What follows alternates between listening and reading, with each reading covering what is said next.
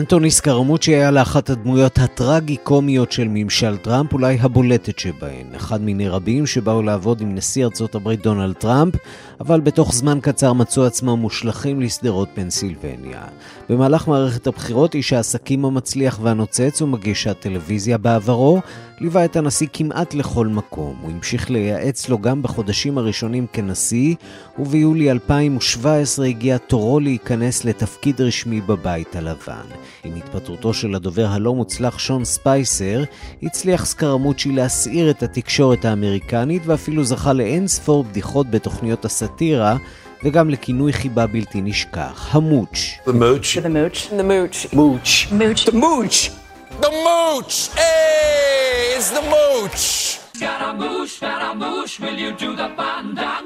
הוא איים להילחם במגפת ההדלפות בבית הלבן, מעשה שהקים עליו אויבים מהיום הראשון, אבל את הנפילה המהירה ספג לאחר ראיון עם כתב הניו יורקר, שהוא החשיב בטעות כשיחה off record.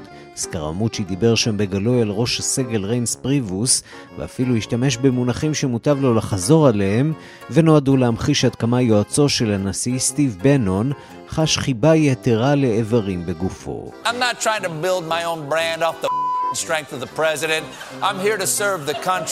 Added, Bannon.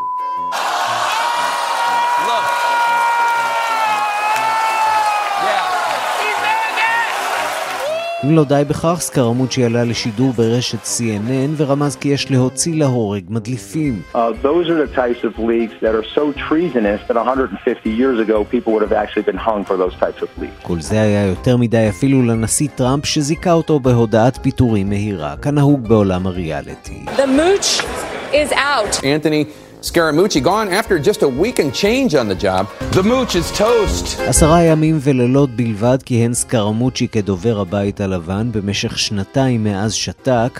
הוא הספיק לעשות לא מעט כולל השתתפות באח הגדול, אבל עכשיו ערב הבחירות הוא החליט שהגיע הזמן לדבר. בריאיון גלוי לשעה הבינלאומית הוא תוקף בחריפות את הנשיא, מכנה אותו נרקסיסט מטורף וגזען, ומזהיר את ישראל אבל תתגייס למסע הבחירות של טראמפ השבוע, במהלך החתימה על הסכם השלום בוושינגטון. מר אנטוני סקרמוצ'י, לשעבר מנהל התקשורת בבית הלבן, ברוך הבא לשעה הבינלאומית. נתחיל בשורה התחתונה, מי לדעתך צריך להיות הנשיא הבא של ארצות הברית? Well, I mean, choices, so. יש שתי אפשרויות, עבדתי עם הנשיא טראמפ כדובר ומוקדם יותר במסגרת הקמפיין, שירתתי זמן קצר בלבד בבית הלבן לפני שפוטרתי, אבל ניסיתי להישאר נאמן לו לאחר פיטוריי למשך שנתיים.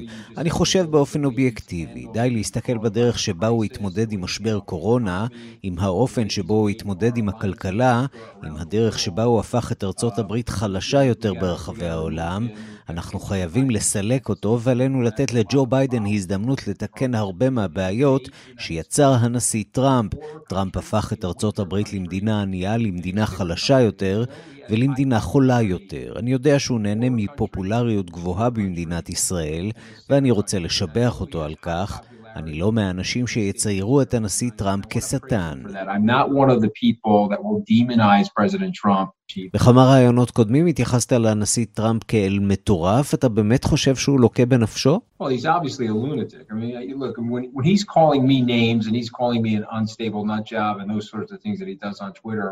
טוב, ברור שהוא משוגע, כלומר הוא מכנה אותי בשמות בטוויטר והכל כמובן השלכה על עצמו. האיש לא יציב, הוא מתקשה לבטא מילים, הוא מתקשה לנוע בחלל, הוא בחור כועס מאוד, זה לא נורמלי שנשיא אמריקני יעשה את כל זה. הוא תוקף את אזרחיו, תראה. אני ילד גדול ואיש ציבור, אבל הוא תקף את אשתי בפיד הטוויטר שלו. אני לא טד קרוז, אני אומר לחברים הישראלים שלי, האם היית נותן לבחור להתנפל על אשתך? אז מבחינתי אני מוצא שהוא אדם בזוי. הוא מישהו שלא צריך להיות בתפקיד משרת הציבור מספר אחת. זוהי העבודה הקדושה ביותר בשירות הציבורי בארצות הברית. ניתקתי איתו מגע כשהוא התחיל להשתמש בסיסמאות כלפי חברות קונגרס, וקרא להן לשוב לארץ שממנה הן באו. אלה בדיוק אותם דברים שעשו לסבתי האמריקנית האיטלקית.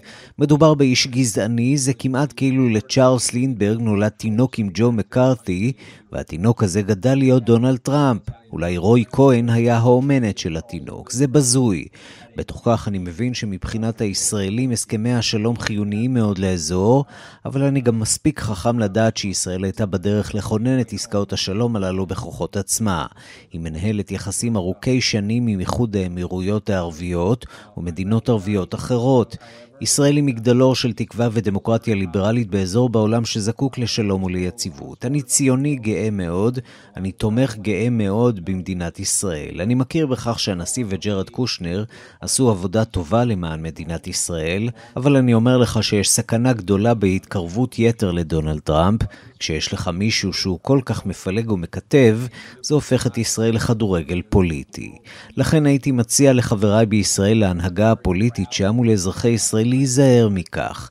אשמח שארצות הברית וישראל יקיימו יחסים דו-צדדיים קרובים מאוד לנצח, אבל אני רוצה שזה יהיה דו-מפלגתי.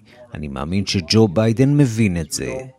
To have this very close bilateral relationship uh, uh, forever, and I would want it to be bipartisan, and I believe Joe Biden understands that uh, as well as anybody. So he's such a narcissist that the problem with President Trump is that he's such a narcissist that he objectifies people. So when you're טראמפ הוא כל כך נרקסיסט עד שהוא מסתייג מאנשים. כשאתה נכנס לשדה הראייה שלו, הוא לא רואה אותך בשום מידה של אמפתיה, אין בו שום יחס של הזדהות, אין קשר אישי, זה רק קשר עסקי. אתה יכול לשאול את הגנרלים ששמעו אותו משמיע את כל ההערות האלה על החללים האמריקניים. האמת היא שאני לא רוצה לעורר דמוניזציה לנשיא, הוא יכול להיות מקסים, הוא יכול להיות חברותי, הוא יכול להיות חביב למדי, אבל הרטוריקה והפלגנות הם מיותרים ולא אמריקניים. מה שהוא עשה בנשיאות שלו הוא גזעני להפליא, זה ממש מגעיל. אני רואה בקהילה היהודית כמעט כנרית במכרה הפחם של הליברליזם. כשהם נטפלים לשחורים הם בסופו של דבר יגיעו ליהודים. כשהם רודפים אחרי איטלקים הם בסופו של דבר יגיעו ליהודים. לעתים קרובות הם כבר מתחילים מהיהודים. תראה איך הנשיא טראמפ מתייחס לבעלות בריתנו בטוויטר, הדמוקרטיות המערביות, זה נתעב. מצד שני הוא חולק שבחים לאנשים המנהלים רודנות. אז כן, אני חושב שהוא גזען. לא ארחיק עד כדי כך ואומר שהוא אנטישמי, אני לא חושב שיש שום עדות לכך לנוכח העובדה שנכדיו גדלים כיהודים אורתודוקסים. אבל הוא גזען, הוא מתנהג כמו גזען. אומר זאת כך, אם הגזענים חושבים שאתה גזען, אז נחש מה, אתה כנראה גזען.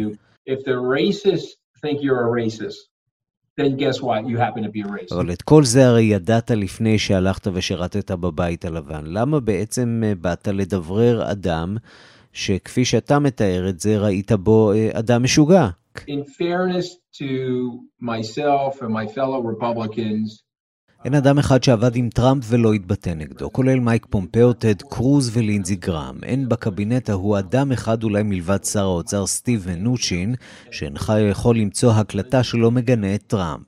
למה בכל זאת עבדתי תחתיו? ובכן, אתה מגיע לצמרת הארגון, שבה יש הרבה מאוד כוח, ואתה מנסה למצוא דרך לחבב אותו. מצאתי את עצמי במצב הזה במשך 18 עד 24 חודשים. ואגיד לך משהו שלדעתי צריך להעיר אנשים, במיוחד צעירים. ההחלטה שלי ללכת לעבוד בבית הלבן הייתה ביטוי לשיכרון חושים, גאוות יתר ואגו. גדלתי במשפחה של צווארון כחול, עבדתי כל הדרך לבית הספר למשפטים של הרווארד, ובניתי שני עסקים מצליחים, כך שהרעיון שאוכל לעבוד בבית הלבן ולשרת את ארצי הייתה בכנות משקרת מדי בשבילי. המסקנה היא שכשאדם מחזיק בכוח הרגשות שלו שולטים והאינטליגנציה שלו יורדת.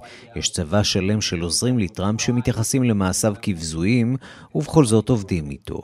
אז כששואלים אותי מה נשתנה, אני אומר שזה לא טראמפ שהשתנה, אלא אני. יכול להיות שתגיד, אתה לא סתם מריר בגלל שהוא פיטר אותך? הייתי אומר שלא. במשך שנתיים לימדתי עליו סנגוריה תקשורתית והייתי נאמן לנשיא ולממשלו, אבל כשהוא התחיל להפריד נשים מילדים בגבול, הכריז על עיתונות אויב העם, סירב להקשיב לסוכנויות הביון והתנער מהן מול נשיא רוסיה בהלסינקי, ומעל כל זה הגזענות, כל אלה גרמו לי להבין שאני לא רוצה להשליך לחלוטין את היושרה שלי.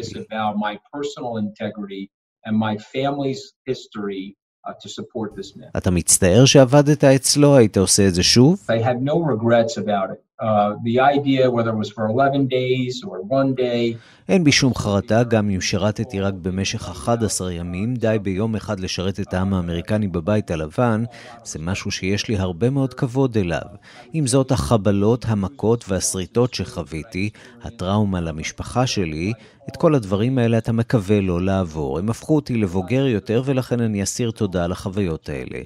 אני מרגיש אשם, לא אכפת לי לחלוק איתך את הסיפור הזה. נכון, זה מאוד חושפני וישר, אבל אולי ייתן לאחרים הזדמנות להרהר במה שהם עושים בחייהם, במאבק שלהם למען האגו שלהם.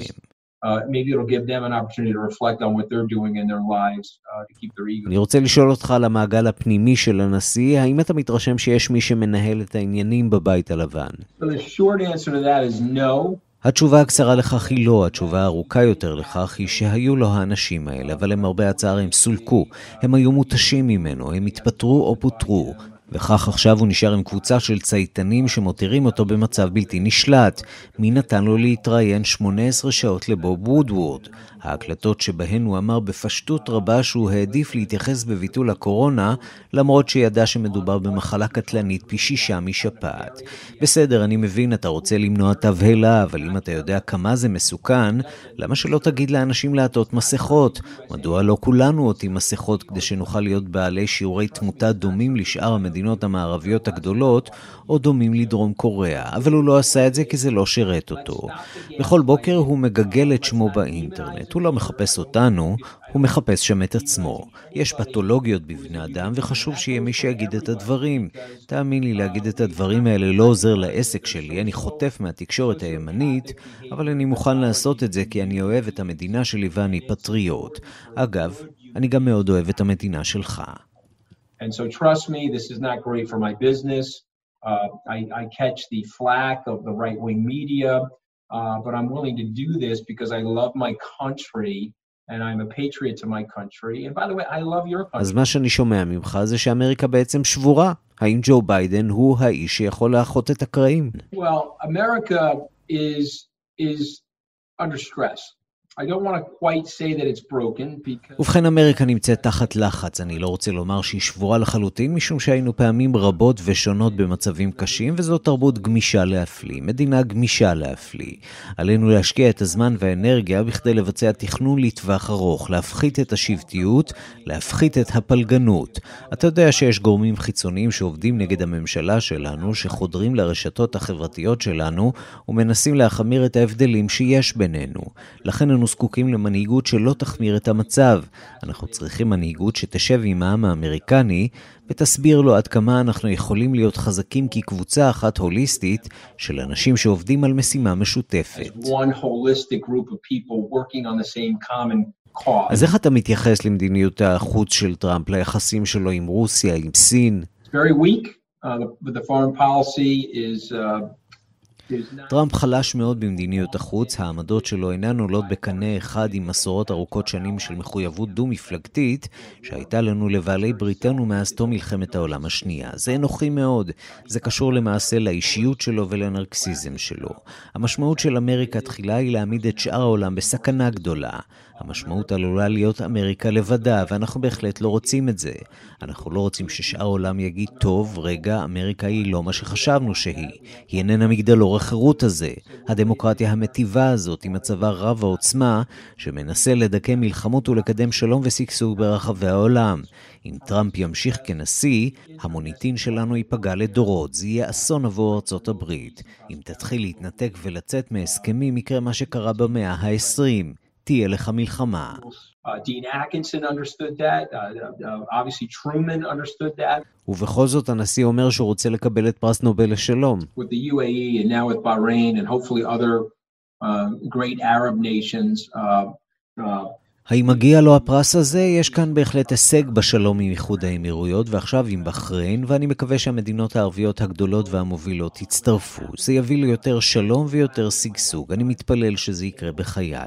שלום בר קיימא שיוביל לשגשוג רב. אני לא יודע אם לנשיא מגיע פרס נובל לשלום על כך או לא, ניתן לוועדת פרס נובל לקבל החלטה. כאמור, אני לא רוצה לקדם דמוניזציה לנשיא טראמפ, ויש בהחלט דברים שהוא עשה בממשל שלו שהיו דברים טובים. מצד שני, האישיות, הריקנות האינטלקטואלית, חוסר ההבנה על העולם והחזון שיש לו לאמריקה, שלדעתי הוא חזון אפל של פלגנות ובריונות. זה יותר מדי בשבילי ולא אתמוך בזה. משום כך אני מארגן את הרפובליקנים ברחבי הארץ כדי לשכנע שלושה עד חמישה אחוזים מהם לשוב לעמדה מוסרית ולשלוח את טראמפ הביתה. אחר כך נוכל להתחיל בתהליך איטי של בנייה מחדש של המפלגה הרפובליקנית. Uh, and get an early retirement here, and we can begin the process of rebuilding the Republican Party uh, and rebuilding the nation. מר אנטוני סקרמוצ'י, לשעבר מנהל התקשורת בבית הלבן, תודה ששוחחת עם השעה הבינלאומית. I appreciate being on. God bless you, Ron.